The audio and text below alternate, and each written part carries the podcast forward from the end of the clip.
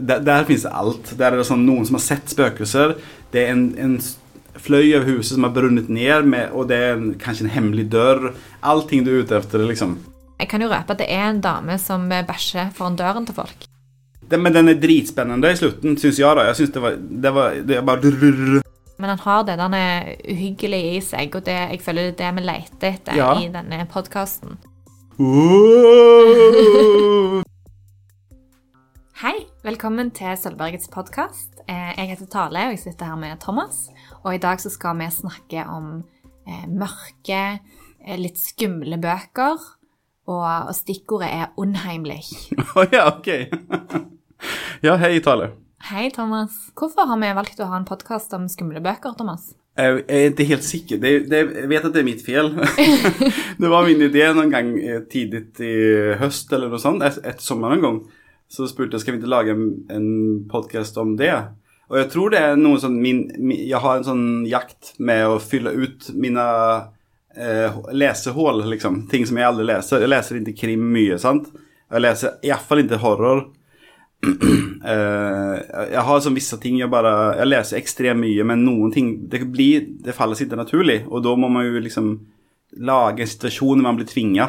Så dette er egentlig en sånn videreutdanning for Thomas. Ja. Eh, og, og, da, og da eh, er podkast en veldig bra eh, måte, for da du, blir, du forplikter deg til en viss dato. Før den datoen så må du liksom ha lest det og det, da. Og eh, når eh, Thomas lanserte denne ideen til meg, så tenkte jeg at det trenger vi eksperthjelp til. Så jeg har gått til en venn som studerer engelsk litteratur, og som har eh, veldig sterk interesse for horror, og særlig britisk, da. Men eh, Eller det var kanskje en løgn, jeg vet ikke om det er amerikansk. eh, Engelskspråklig, Ja. naturlig nok, siden han studerer det. Em, og så fikk jeg en liste av han, um, med utgangspunkt i at jeg liker bøker hvor du er eh, eh, hvor det er en usikkerhet og en sånn eh, uhyggelig stemning, og du vet ikke om det er noe overnaturlig med, eller er det bare en hovedperson som kanskje er i ferd med å bli gal. Så det var eh, det oppdraget som min venn fikk, og da fikk vi en liste. Men siden Thomas, du er jo veldig kontrær, så bare så var det sånn Å ja, det her er listen, men den vil jeg ikke lese noe av. Jeg eh, går heller for noe annet. Så Ja. hva er det du har valgt å lese? Jeg vet ikke hva som skjedde. Jeg var ikke ens klar jeg, vet at det var det som skjedde. Du hadde en liste med land, og jeg bare Ok, der er den, ja. Og så bare jeg på internett i stedet og googla det. Og jeg, jeg husker ikke hva jeg googla engang, men i alle fall Resultatet ble at jeg leste en bok som heter 'Rebekka' av Daphne du Maurier. Eh, og eh, den, den, den, den framstår som en eh, sånn eh, eh, goth-klassiker eh, når man leser om den. Eh, så jeg tenkte, det er jo midt i blinken, liksom. Alle har hørt om henne, alle har hørt om, om Rebekka. Men det viser seg at han har sikkert hørt om boken pga. at det finnes veldig kjent eh, eh, film fra 40-tallet eh, av Alfred Hitchcock. Og den er også nyinnspilt eh, med eh, real life kannibal Army Hammer. og så eh, viser det også at Daphne du Maurier er ikke den forfatteren jeg trodde det var. Eh, jeg, jeg blander henne med Simone de Beauvoir. Som er en, en sånn eksistensialistisk filosof og kvinne, kvinnehelt, på en måte. sant? Eh, så jeg, jeg har, dette, var bare, dette konseptet var bare fullt av misforståelser og feiltrinn. Men eh, kan jeg bare begynne å snakke om den boken nå, da? Ja. Så det viser seg at det, det var jo en veldig kjekk bok. Altså, Første 18 kapitlene så skjer det egentlig ingenting, og det er liksom litt uh, irriterende, passiv Det handler om en ung jente som gifter seg med, en- med en mann som kunne vært hennes far. Han har mistet sin fru for ikke så lenge siden, og de treffes mens eh, jenten er en sånn selskapsdame til en rikere dame, og de er i Monte Carlo. Så kommer mannen dit. eh, han er veldig rik, han kommer fra sånn slekt, sånn herregård i England. Eh, så treffes de, gifter seg i løpet av to uker og drar hjem igjen. Og så med en gang hun kommer til det huset, så merker hun bare shit, dette var en dårlig idé. Jeg kan ikke, kjøre, jeg kan ikke føre et husstand. De har kjempemye ansatte folk, liksom. Så hver, hver dag så får hun en liste tilsendt med hva de har tenkt hva, Dette har vi tenkt hvis vi skulle lage i mat i dag. Eh, er det greit? Hun bare Ja. liksom, hun er sikkert vant til å spise brød, liksom. Men så får hun en sånn fireretters meny til lunsj. Eh, og så har hun den eks, Altså fruen, da, som er død, hun var, hun var veldig sånn Hun hadde kontroll, og hun eh, Hun var veldig vakker, veldig populær. Hun var oppvekst i det miljøet, så hun visste om hun oppførte seg. Eh, alle i landsbyen og sånne ting elsker henne. Så de skoene hun eh, Den nye fruen, da, De Winters heter de, eh, hun, har store sko å fylle, på en måte. Og det, det, er et stort hull i hele den verden etter, den, etter hun som døde. Ja, så har du klasseskille i tillegg da? I tillegg, og pluss at hun er veldig ung. Man, man får aldri vite hvor gammel hun er, eh, men man vet at mannen er midt i 40-årene et eh, og hun kan være hans datter. Og så får man aldri vite hva hun heter. Eh, hun har inget navn. Mens, mens, boken kalles Rebekka.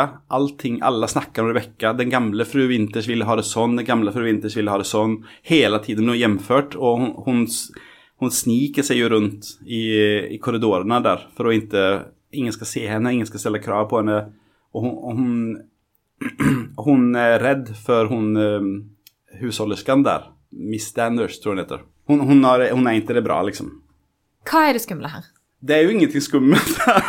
ja, for Du sa jo at det er 18 kapitler hvor egentlig ingenting skjer. Det hørtes jo ikke så veldig spennende ut. Al altså, Det er ikke det at ingenting skjer, det er bare ekstremt lavt tempo.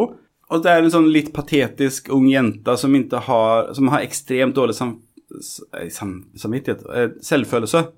Eh, som gifter seg med en mye eldre mann som er rik, hun er fattig. Altså, det er, en, det er det mest ubehagelige så langt, på en måte. At uh, den, den, settingen der, at hun på en måte blir sånn Og han er, han er en gentleman på alle måter. Liksom, det er ikke det som er problemet, men han er så overlegen. Han, han, frieriet foregår sånn at han forteller henne at de skal gifte seg. Og så sier hun ja, ok, liksom. Og så gifter de seg, og så eh, er de i um, Italien på sånn Hva heter det på norsk? Bryllupsreise? Ja.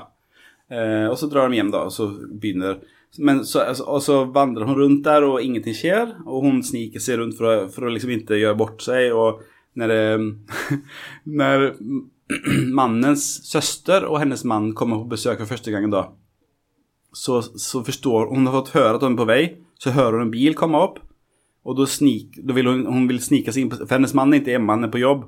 Så skal hun snike seg om sitt rom og gjemme seg der, så at hun slipper å treffe dem alene. Men så går hun seg vill i det store huset. Og så kommer hun plutselig inn i det, For det viser seg det, Dette er ikke et hus, det er mer eller mindre et slott.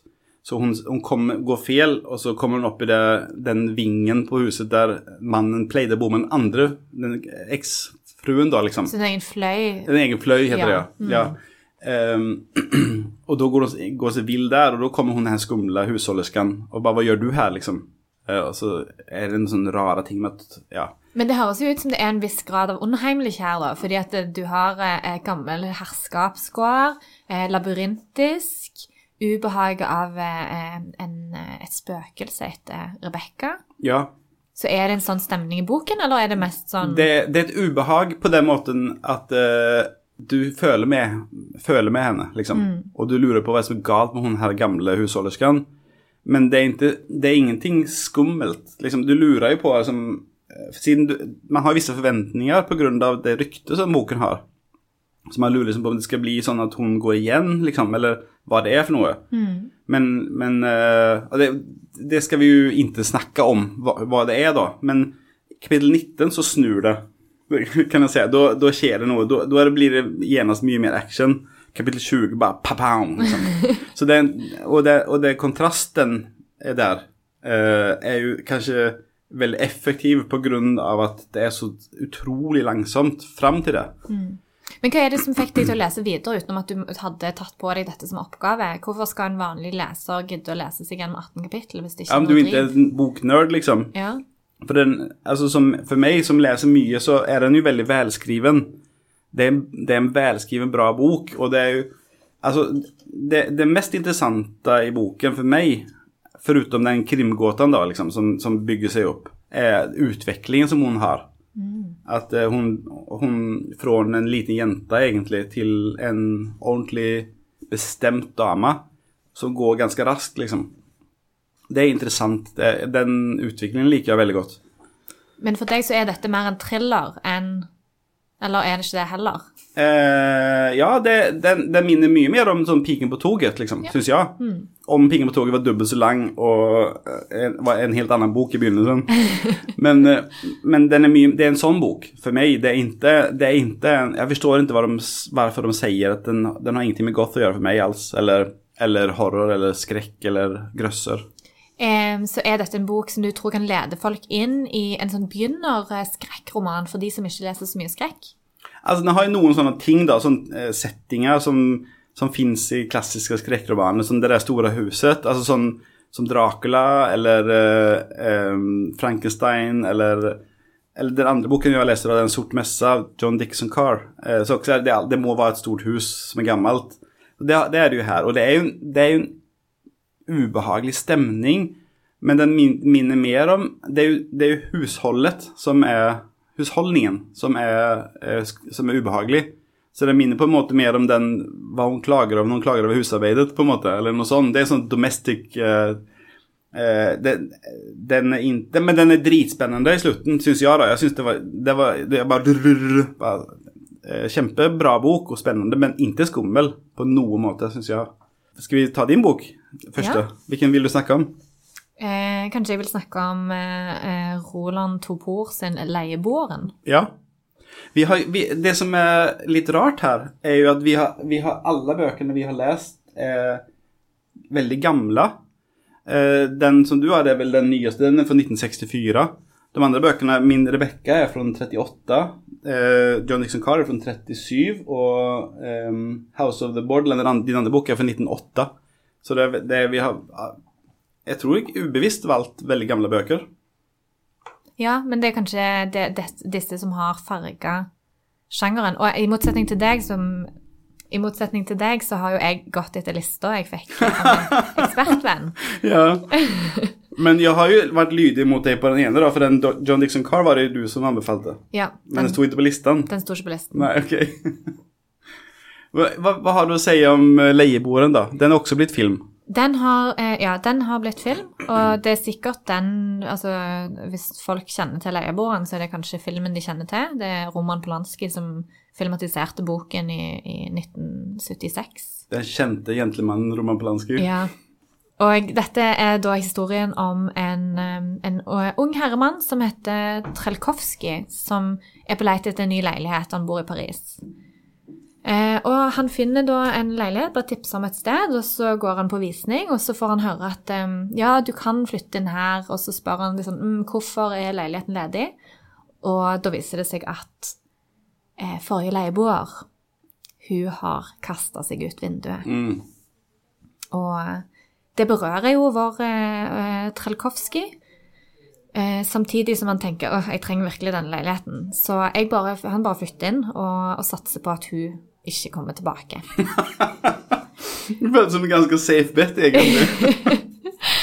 Han besøker henne faktisk på, på sykehuset for å Er Hun ikke død? Hun er ikke død, hun ligger på sykehuset. Hun er ikke død. Han går og besøker henne for å se om eh, kanskje han kan få snakket med deg og se an situasjonen litt. Jeg tror jeg har blitt så skuffa i hele mitt liv noen gang at noen ikke var død. Ok, ja. Og så eh, baller det på seg derfra, da. Ah, Eh, og hun, er- hun dør da, rett etterpå.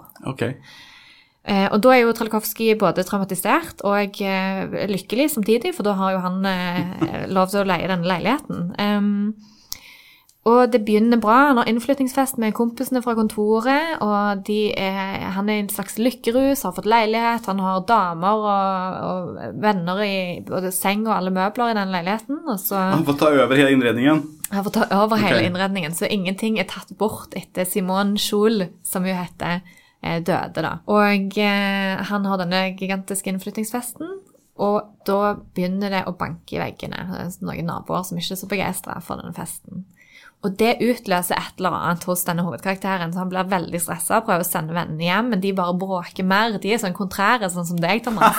De nekter å gi seg. Ja. Og så blir det ganske heisa stemning, og så kommer folk og naboer og kjefter på Trelkovskij, og han blir rimelig stressa. Og da, eh, når endelig har fått skufla ut vennene hjem, så, så blir han ekstremt nervøs. For å plage naboene. Det, det er liksom starten på et sånt ubehag. Sant? Du har en død leieboer, du har disse naboene som han er veldig redd for å provosere, og så går han over gaten for å ta seg en morgenkaffe, og så viser det seg at på kafeen der pleide òg Simon Schul å drikke sin morgenkaffe, men hun drakk ikke kaffe, hun drakk eh, varm sjokolade. Så når han kommer, så serverer de han en, en kopp med varm sjokolade. Og de har ikke de sigarettene han pleier å røyke, de har bare Simon Schul sitt merke av sigaretter, så da tar han det. Og eh, dette blir en liksom gradvis utvisking av hans karakter, og etter hvert så blir han veldig stressa fordi han merker at han er i ferd med å bli Simon Kjol. Det er liksom single white female, liksom, at du tar over en annens liv. Ja. Men eh, det er jo da en veldig uhyggelig historie. Det er ikke sånn veldig dramatiske ting som skjer, og det jeg liker godt, er at du, du er usikker på hva som er i Trelkovskij sitt hode, og hva som virkelig skjer, ganske lenge i denne historien. Eh, og så Jeg skjønner godt hvorfor det har blitt en klassiker. Oh, jeg gjør det, ja. Og så er det òg en den, Boken og filmen er veldig like. Ok. Ja, for du har sett begge? Eller du har, ja. ja, jeg leste litt, da, for jeg er jo kjent for å føre meg godt. Forberede meg godt. Um, ja, og det står at han uh, Hvordan uttaler du hans navn, forfatteren? Topor? Topor. Ja. Ja. At han, han Når han skriver, så skriver han om Eller han uttrykker seg med Le sang, la merde et la sex. så på engelsk er det blood, shitten sex. Er det, er det den typen uh, Er det representativt for den boken? Um, ja, dette er hans debutroman, og litt, men jeg syns ikke at det er veldig framtredende. Men det er, jeg kan jo røpe at det er en dame som bæsjer foran døren til folk. Ok. Ja. Ja, da så. Ja. Da har vi fått det vi ville. Ja. Jeg eh, eh, var ikke begeistra for filmen da jeg så den. Ja. Og så var jeg ikke sånn be- veldig begeistra for boken da jeg leste den heller. Nei. Men den vokste litt på Åh, meg. ja, for jeg merker det når vi snakker om det, for derfor Ja. ble jeg usikker på om jeg kanskje ikke skulle Ja. Mm. spørre det. Fordi du likte ikke, når vi snakket om den med en gang, så Nei. Mm. var du ikke så glad i den. Men den har, den har kommet seg litt i, i Ja, etterhand. jeg, den har vokst litt på meg, så er den, sånn ganske, den er ganske rett fram historie, men den har det den er uhyggelig i seg, og det, jeg føler det er det vi leter etter Ja. i denne podkasten. Ja, og det er det som mangler i min, i min bok. Selv om den var bra, så var det ikke det vi hadde håpet Ja. på. Og det er jo mitt eget fel. Men det er jo ting som er Altså, alle er jo fasciner, av Paris og Men det som jeg oppdager da, etter hvert her når vi sitter og snakker, er at i alle bøkene eh, vi, vi har med oss, så er det et stort et, et, Det er et hus som er sentralt, eller boligen, liksom. Så er det, er det noe Er det noe skummelt der? Er det liksom kan kan et hus ha dårlige vibber, eller selv om det bare er en leilighet, liksom? Eh, Er det, er, det virker som det er sentralt i alle våre bøker. Og når man tenker på sånn gotiske eller Agatha Christie, eller sånt, så er det alltid, alltid det som er sentralt. Det ja, veldig spennende tanke. Det er jo kjempegodt observert. Eh, Det er i hvert fall sånn i disse bøkene, og det tror jeg, som du sier, så tror jeg det er ganske det er viktig i den sjangeren. Kanskje. For jeg har, jeg har jo aldri lest den sjangeren før, men det som står framfor meg her, i hvert fall at, eh, at eh, ja, vi har jo, Det vet jo ikke eh, liksom, lytterne om ennå, hva vi skal snakke om. Men vi, vi kan gå videre til neste bok. John Dixon Carr, 'Sort messe'. 'The Burning Court' heter den på engelsk. Der også er det jo en sånn eh, eh, et gammel, En gammel herregård eh, som, eh, som er sentral. Ja, og det er jo sånn klassisk eh, Jeg vet ikke om det faller inn under horror eller krim, men litt begge deler, kanskje. Fordi det er jo en veldig sånn klassisk locked room mystery. Ja, jeg, jeg liker jo det. Eh, det. Det er vanskelig, for problemet med de her bøkene er jo at du ikke kan snakke om dem, fordi du, det er så lett å ødelegge. Ja. For det, det er en konstant progresjon her, eh, i, i, kanskje særlig den her Sort messa. Som du, du kan jo fortelle om konseptet, men vi kan ikke snakke så veldig mye mer, for det, det, den oppbyggingen er jo ganske kul, liksom. ja, det er viktig. Men du kan jo begynne med altså Det er jo en forlegger som sitter på toget og skal ut til landstedet sitt. Ja. Han, han, eh, han jobber i Jeg husker ikke by det er. En stor by på, på østkysten i USA. Og så skal de ut eh, på, mm, eh, på landet til hans fru venter. Og så tar han toget. Og så har han fått en, en utkast til en ny bok av en kjent sånn provokatør. Eh, Han skriver eh, fagprosa kan man säga om kända drapsmän eller drapskvinnor i detta fallet då. Så han har skrivit om så som mange kända kvinnliga giftmorderskor och, eh, som har blitt henrettet. Og så sitter han på toget, slår seg ned, åpner denne folderen med ut, utkastet til boken. Og det første siden så ser han en dame som ble henrettet for 80 år siden. Og det er bildet av hans fru, som er, er 25 år gammel og sitter på, i et fint hus på landet i, eh, i, i Hva er det de bor hen?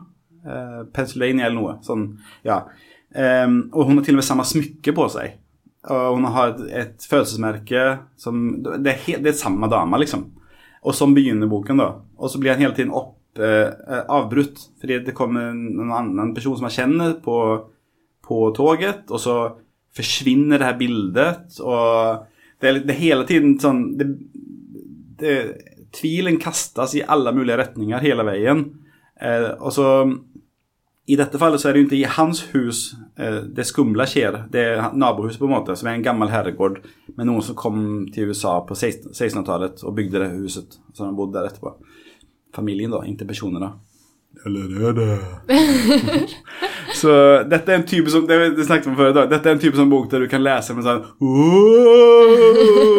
Det er sånn det, den, den er helt overtydelig, peker hele tiden mot spøkelser og sånn.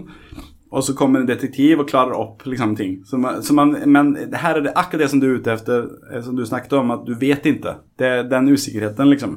Men for meg, så, som ikke liker overnaturlige ting og ikke blir grepet av det alls, så er det en, en ganske spennende detektivroman, egentlig. Jeg tenkte at du kom til å like den, fordi Ja. at du har jo hatt en Agatha Christie-periode nettopp. Ja. Og det var jo også sånn The Golden Age of Crime i 1920-tallet. Ja. De, eh, de er litt sånn i samme kategori. Ja. Det, eh, det, som, altså det som er kult med Agatha Christie, at, du, at hun skriver alltid nåtid. Så hun skrev, for hennes første bok kom i 1916, siste boken kom i 1976, eller noe sånt. Og da skriver hun om dagens England, liksom. Denne boken er 1938, og det er liksom i mellomkrigstiden. Og eh, det, sånn, det fins ennå den der herregårdslivsstilen igjen, liksom. Ja. Med tjenestefolk og sånn. Og det er, jo, det er jo veldig praktisk når du skal ha ja. mange folk som kan være mulig drapsmann. Og det er jo veldig sentralt i begge de vi har snakket om nå, altså både Rebekka og Sort messe, men det kommer òg i en bok vi skal snakke om, at eh, det, det er rike folk det er snakk Ja. om her. Ja. Um, moralen må jo være at det, det er best å ikke bli for rik, for da kan forferdelige ting skje. Det er moralen, ja. Jo, jo, i den her eh, Sort messe, da, så er det jo Der, fins det alt. Der er det sånn noen som har sett spøkelser. Det er en, en fløy av huset som har brunnet ned, med, og det er en, kanskje en hemmelig dør. Allting du er ute etter, liksom. Eh, de har en sånn Hva heter det på norsk? Sånn krypt? Heter det det? Der de begraver familien. De har en egen sånn som muras igjen for hver person som er dødd, liksom, og sånn. Det er jo Alt- dritskummelt. Allting sånt som skal være med finns, du kan se det for deg liksom. Eh, så så ja, jeg har jo lest to bøker som jeg likte veldig godt, og som jeg aldri hadde lest om ikke det hadde vært for dette. Så på den måten så er jo lykka, lykket prosjekt. Oppdrag utført, Ja, ja. hva med deg? Ja, jeg har jo òg lest eh, to bøker som jeg antageligvis aldri hadde lest ellers. Um, og jeg, den siste boken jeg har lest, um, er da uh, The House on the Borderland av William Hope Hodgson. Og det, um, det er definitivt noe jeg ikke hadde lest ellers, tror jeg. For her kommer vi inn på en helt annen grein av horror, litt sånn kosmisk horror. What? Ja, men utgangspunktet her òg er selvfølgelig et hus. Det er ikke en herregård, men det er ganske stort eh, hus.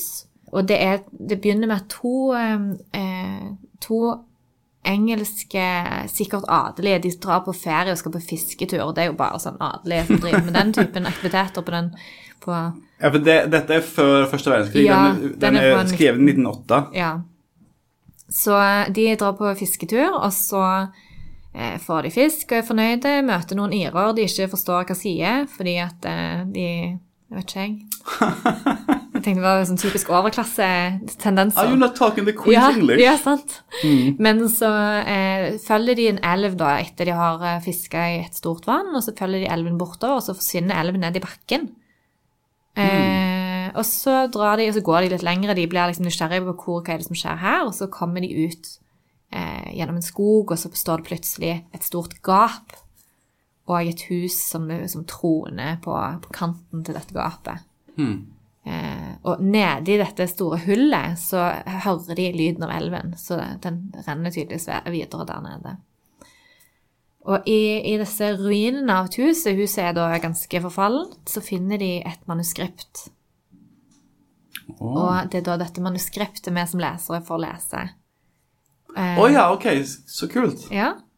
Og, og, der skjer det ganske mye syke greier. Så her, men egentlig Men samtidig har du det elementet av usikkerhet i dette tilfellet òg. fordi i manuskriptet så er det en, en, karakter som beskriver at han er voksen mann i 50-årene som bor sammen med sin søster, som driver huset.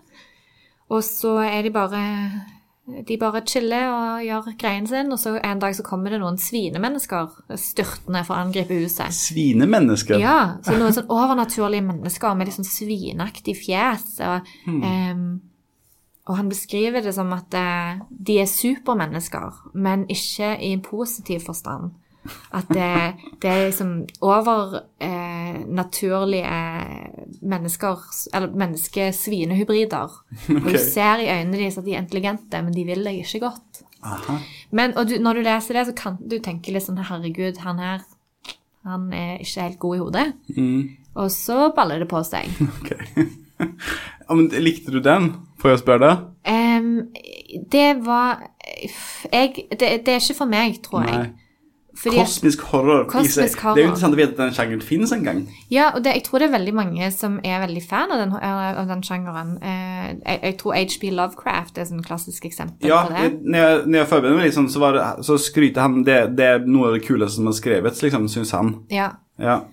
Um, og det Men Og det er jo mange sånn eksistensielle spørsmål som blir tatt opp her, fordi at det er beskrivelser av liksom eh, kanskje verdens undergang, og det er guder, altså helvete og eh, himmel blir tematisert. Så jeg skjønner veldig godt at eh, dette er noe som beveger mange. Eh, og, og, hvor lite mennesket er i den store sammenheng, da. Mm. Du har jo valgt veldig ukjente, eller liksom obskyre bøker, eh, syns jeg, da. Eh, men, men, de har en viss en sånn fanskara som har jeg forstått når jeg har lest om dem, liksom at det, det, det, er ganske populære i sitt, uh, i sitt sjikt, på en måte. Absolutt. Men vil, vil, du fortelle mer om handlingen om den, uh, eller? Nei, egentlig Nei. ikke. Nei. fordi at det, jeg tror det er en reise man må bare la seg bære ja. inn i. Ja. Eh, jeg leste om forfatteren, for det er en ganske fascinerende fyr. Han, han var med i første verdenskrig, ble skada, og så manipulerte han seg til å få lov å bli, komme med igjen. Og så ble han drept. Eh, og han var kjent i sin samtid eh, var han kjent for å, at han hadde vært stygg med Harry Houdini. som er den tøffeste mannen som noen gang levde, liksom. Og han var altfor hardhendt med Harry Houdini. Eh, så, og så lagde, Han var 22 år gammel, åpnet sitt eget gym for å eh, trene folk opp det, liksom med Det var visst modernt med sånn trening for fordøyelsen eh, på den tiden. Altså du, du, kroppen, Om du har frisk kropp, så får, har du frisk fordøyelsessystem. da. Mm. Så han var en ekstrem sånn, ressursperson, men så døde han da han var bare 40 år pga. krigen. Men han, han, det hadde vært gøy å høre mer om han. på en måte. Han virker spennende, syns jeg. Ja. Mm. Eh, da er ja, moralen er 'ikke bli for rik', da blir du drept. Ikke manipuler deg til å komme med en krig for andre gang, da blir du også ja, drept. Ja. Jeg har ingen moral for mine bøker. Men hvis du tenker på eh, en låner som er som oss, som ikke leser så mye eh, horror eller eh, ja, den typen litteratur, hva rekkefølge er det liksom sånn, hva er din absolutt anbefaling til den låneren av de bøkene vi har lest i dag? Altså, Daphne de Maria er jo, eller Rebekka, er jo på en måte litt Kanskje litt krevende, for at siden det, du må være målbevisst. For det, det, det skjer litt lite i begynnelsen. Uh, og Den ser ut så tjukk men det er ganske liten tekst. Det, og det er ganske tettskrevet. Det, det, er ingen pauser i, på en måte. Så den, den kanskje er litt krevende. Men jeg, jeg føler virkelig at du blir belønna for det. Jeg, men rart nok, så når jeg akkurat leste ferdig, så åpna jeg Instagram og så på Instagram, og da var den første tingen som kom der, var en svensk, en svensk eh, eh, person som jeg følger, som hadde akkurat lest den, og han hata den. Altså ingenting, eh, ingenting spennende, eh, bare kjedelig, liksom. Og da Sånn følte ikke jeg alls. Jeg syntes den var dritspennende i slutten. Og, det, og den absolutte slutten er også kul i denne boken, syns jeg. Rebekka. Du, da? Vil du anbefalt hvilken rekkefølge? Veldig godt spørsmål. Jeg tror jeg er svak for eh, John Dixon Cars eh, Sort messe, men den er jo veldig sånn stilisert, og ikke egentlig, du blir ikke redd av den boken. Så hvis du er ute etter å bli litt skremt, så lurer jeg kanskje faktisk på om jeg eh, Jeg ville faktisk anbefalt den The House on the Borderland. Ah, Fordi at den, den er det, det er mye skummelt du kan lese inn i den historien, altså. ja. Altså, og det, det er jo kanskje svagheten med den Sort messe, at du det, Du kommer ikke nære noen av menneskene i den. Altså, du Det er ikke sånn at man bryr seg så kjempemye om noen av dem. Så, mens i Rebekka så, så kommer man litt nærmere, selv om de er ko-ko, da. Men, eh, men du føler at du holder Åh, Det er vanskelig å snakke om det uten å, uten å spoile noe, men eh, ja. Jeg, jeg føler, man føler mye mer med menneskene i det vekka enn man gjør det i Sort mester, syns jeg. Så kommer du til å lese mer skummel litteratur, Thomas, eller var dette nok? Jeg kan tenke meg å lese noe spennende. Men jeg kommer ikke lete etter uh, skrekk, liksom, eller eh, Et annet av mine hull er jo også det med krim eller thriller og sånn. Det har jeg heller ikke lest mye av. Så Kanskje vi må lage en podkast på det? Hvis Ja. ikke så oppfordrer jeg alle lyttere til å sende inn lister til Thomas over bøker de anbefaler. Så kan han være kontrær og lese helt andre ting. jeg tror at noen er veldig fornærma, fast later som ikke og bare sitter og smiler. Ok, du da. Vil du lese mer av dette? Eh, ja, kanskje jeg vil det, men jeg vil lese mer sånn uhyggelig som ikke er så, eh, så mye innen fantasy. Det var veldig hyggelig å snakke med deg. Veldig hyggelig å snakke med deg òg. Ja, ha det bra. Ha det.